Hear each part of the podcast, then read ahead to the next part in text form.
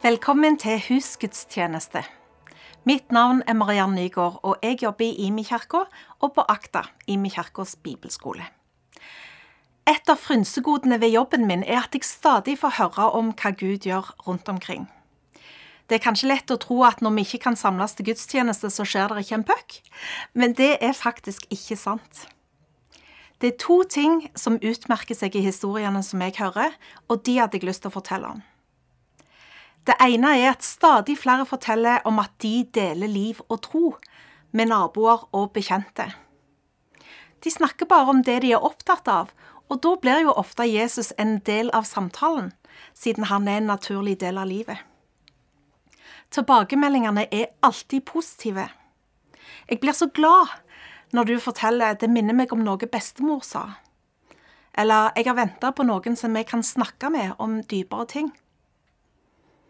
På stabssamlingene på IMI så hører vi stadig om folk som tar en avgjørelse om å følge Jesus, og det skjer gjennom de personlige samtalene som foregår på tomannshånd eller i ei lita gruppe. Hvem venter på en samtale med deg? Det andre jeg hører om, er at stadig flere som ikke anser seg for å være kristne, nå møter Jesus på egen hånd. De opplever at han kommer til dem i drømmer, eller at de plutselig får en personlig erfaring av Jesus gjennom en sang eller noe som de leser. Er ikke det spennende? Felles for alle de som jeg har hørt om, er at de har noen i familien sin eller i nabolaget sitt som ber for dem. Hvem er det du ber for? Dette er ei spesiell tid, ei nådetid hvor folk kan få møte Jesus ansikt til ansikt. Kirka er der du er. Og så gleder vi oss til vi etter hvert kan samles på IMI og bli kjent med alle de som har funnet veien til Jesus gjennom ditt liv og din historie med Gud. Hvis du har vitnesbyrd eller bønneemner, så kan du sende de til hei.imikirken.no. Vi gleder oss til å høre fra deg. Denne sommeren gjør vi oss klar til Åpen himmel sommerfestival, som går av stabelen i to omganger to, i Grimstad. Her er det fortsatt ledige plasser både på festivalen og til overnatting. Hvis du har lyst til å tilbringe sommeren sammen med kjekke folk og oppleve nye ting med Gud, så er det plassen for deg. Og om du ikke kjenner noen fra før, så har du definitivt fått deg nye venner etterpå. Vi har en stab som jobber intensivt med å planlegge et opplegg som ivaretar både smittevern og sommerglede, så dette vil du ikke gå glipp av. Påmelding på nettet.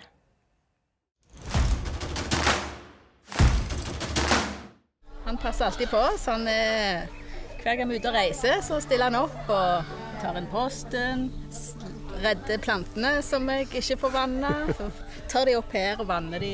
Og det er ikke bare oss, det er alle naboene. Han eh, ordner og passer på og er bare rett og slett en veldig trivelig nabo som er kjekk å ha. Og så har han snakket om det i mange år, at han har lyst til å male huset. Og så er det jo et prosjekt. Ja. Og så så jeg eh, gule T-skjorter her i fjor, tenkte jeg det der hadde jo vært greia. Så nå så kjekt at eh, dere slo til og heiv dere på og hjalp til. Det... Veldig bra. Ja. Kan jeg kysse deg nå, eller må jeg vente litt?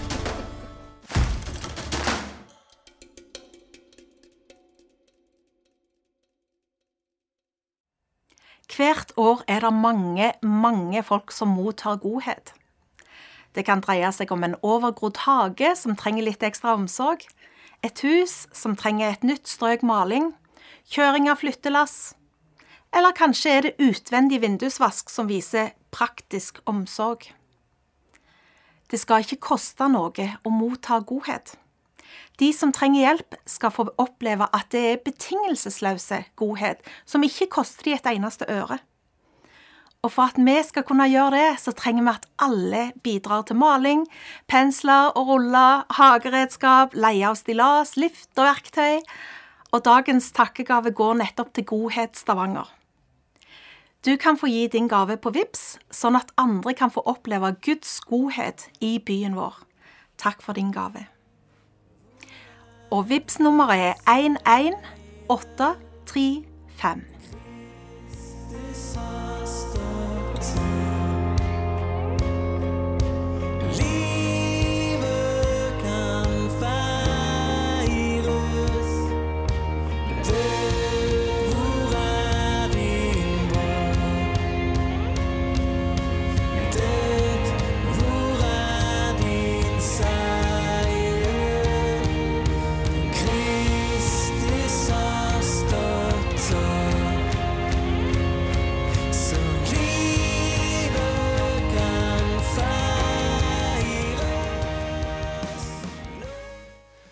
Hei. Flott å eh, få feire gudstjeneste med deg. Det går mot vår. Utrolig deilig. Eh, I hvert fall innimellom så får vi noen positive nyheter om vaksiner og gjenåpninger, og vi begynner kanskje å se mer og mer mot eh, ei tid med litt mer handlingsrom. For noen uker siden så eh, skrev min gode venn og kollega Steve Bruns en blogg på imekirken.no, hvor han spurte litt om dette med livet som vi begynner å se for oss etter pandemien. Han skrev at ofte når vi skal drømme om framtida, så kan vi ende opp i fortida. Og han utfordra litt på lengter vi etter å komme tilbake, eller har vi blikket mot noe nytt som ligger der foran? Og min opplevelse er i hvert fall at eh, det er stadig flere av oss som er der at vi skjønner at vi ikke skal tilbake primært, men vi skal framover. Selvfølgelig det er ting fra det livet som vi kjente før pandemien, som vi gleder oss til å få tilbake. I hvert fall kan jeg si det, at jeg gleder meg til å kunne invitere på besøk uten å tenke på hvor mange. Jeg gleder meg til å kunne gi folk en klem. Jeg gleder meg til å møtes mange til gudstjeneste gleder jeg meg til å gå på fotballkamp. Jeg gleder meg til å gå ut og spise. Helt klart, det er mange ting vi gleder oss til å kunne ta tilbake. Og samtidig så tror jeg vi, vi vet at egentlig så kommer vi ikke tilbake, men vi skal framover mot også noe nytt. Hva blir den nye normalen? Hva blir det nye livet? Da kan jo et spørsmål som er spennende å stille i den prosessen, være hva har denne tida med pandemi lært oss? Hva har denne tida med restriksjoner vist oss som vi enten har lyst til å korrigere når vi går inn i noe nytt, eller som vi har lyst til å ta med oss?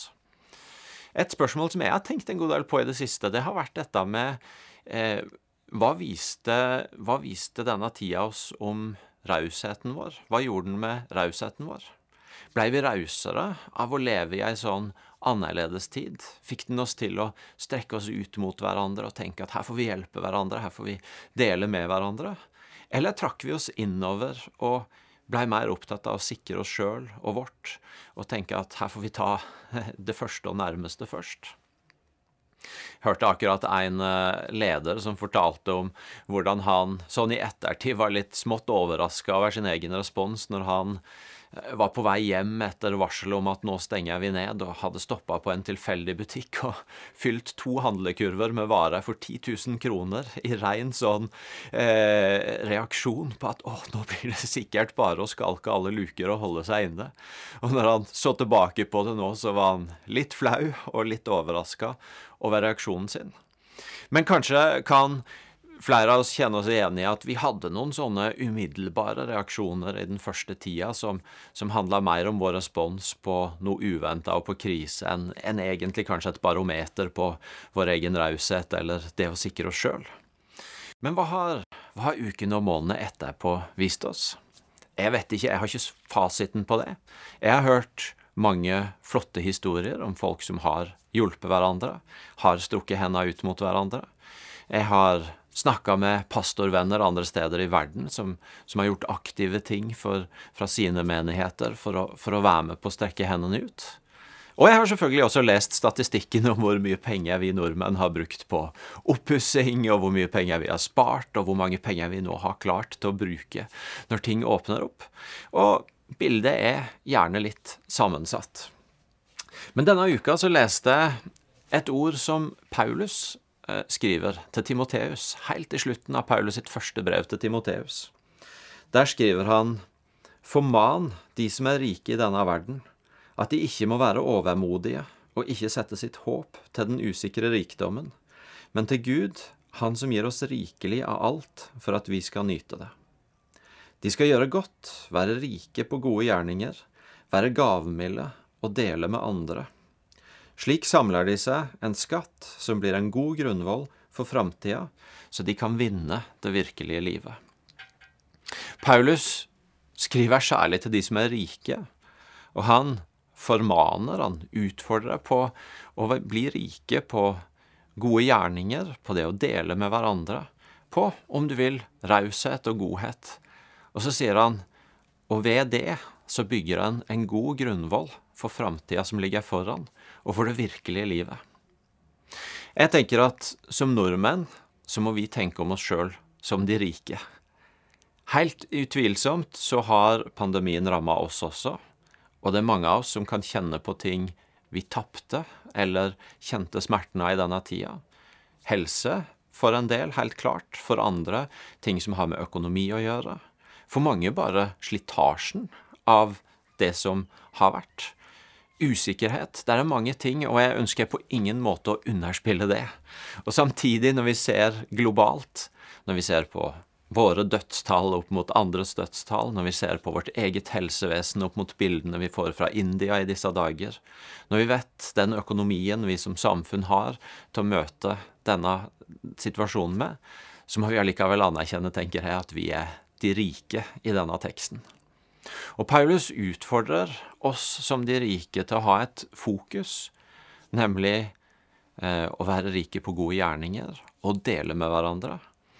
Men så har den, det fokuset også et siktemål. Han sier at ved det så bygger vi en god grunnvoll for den tida som ligger foran, eh, sånn at den kan være prega av det virkelige livet. Og jeg tenker at det er spennende ord for oss å grunne på i møte med den nye normalen. I møte med spørsmålet om eh, blei vi rausere eller ikke. Mitt ønske med å stille det spørsmålet er ikke å skape skam hos noen av oss over det som har vært. Jeg kan si at når jeg går igjennom mitt liv, så, så er det ting jeg, jeg, tenker Ja, i denne tida fikk jeg kanskje mer rom på noen punkt i livet mitt, og jeg, og jeg er glad for noen valg jeg har tatt, hvor jeg, om du vil, føler jeg fikk det til, eller i hvert fall fikk leve mer et sånt liv som jeg ønsker av raushet. Men det er helt klart også ting i mitt liv fra denne tida hvor jeg blei ganske smal og ganske opptatt bare av å holde hodet over vann og holde ut. Eh, og, og, sånn er det sikkert for mange av oss. Jeg stiller ikke fokuset for å, eh, for å bringe skam over det som har vært, men jeg stiller oss sammen spørsmålet for å gi et fokus på hvordan vi vil møte det som ligger foran. Paulus sier, for dere som har mye, møt det med raushet, møt det med godhet. Ikke bare fordi det er bra, men også fordi da legger dere et godt fundament for den nye normalen, den nye tida som ligger foran dere. Og det tenker jeg det er en nydelig invitasjon til oss i møte med tida som ligger foran, i møte med denne våren, i møte med at vi skal ha Godhetsuka her i Stavanger om en liten måned, hvor vi alle sammen kan få mulighet til å dra oss sjøl litt ut igjen. Ut av, eh, ut av, der vi har vært ei tid, ut av eh, kanskje å ha fått et litt mer snevert fokus, og få lov til å være med og tjene og hjelpe andre i vår by og ved det legge et godt grunnlag for en ny normal, hvor vi bare kan få løfte oss videre på det med raushet og godhet. Så når du og huskirka di, eller fellesskapet ditt, eller familien din, eller kanskje bare på en gåtur med en venn, skal reflektere litt over disse versene fra Paulus, over det jeg har delt med deg i dag, så hadde jeg lyst til å stille deg tre spørsmål. Og Det første spørsmålet er hvordan har din raushet utvikla seg i koronatida? Reflekter gjerne litt bare over det. Hva kom fram i du i møte med denne tida? Det andre spørsmålet er hvilke valg vil du ta for å legge en god grunnvoll for tida som ligger foran? Og det tredje spørsmålet er har du holdt av godhetsuka 31. mai til 4. juni? Og hvis ikke, kanskje du skal sette av noen datoer i kalenderen din. Tusen takk for at du var med, og Gud velsigne uka di. Tusen takk for nydelig budskap, Elling, om Guds godhet og hvordan den ser ut gjennom våre liv. Her har du spørsmålene som du kan reflektere over en gang til. 1. Hvordan har din raushet utvikla seg i koronatida? 2. Hva slags valg vil du ta for å legge en god grunnvoll for tida som ligger foran? Og 3. Det kalte Elling for et spørsmål, jeg kaller det for en oppfordring. Hold av godhetsuka 31. mai til 4. juni. Snakk gjerne med noen i huskirka di, i familien din eller med andre venner. Dette blir det mye godhet av. Og til slutt skal du få med deg Herrens velsignelse. Herren velsigne deg og bevare deg. Herren la sitt ansikt lyse over deg og være deg nådig. Herren løfter sitt ansikt mot deg og gi deg fred. Amen.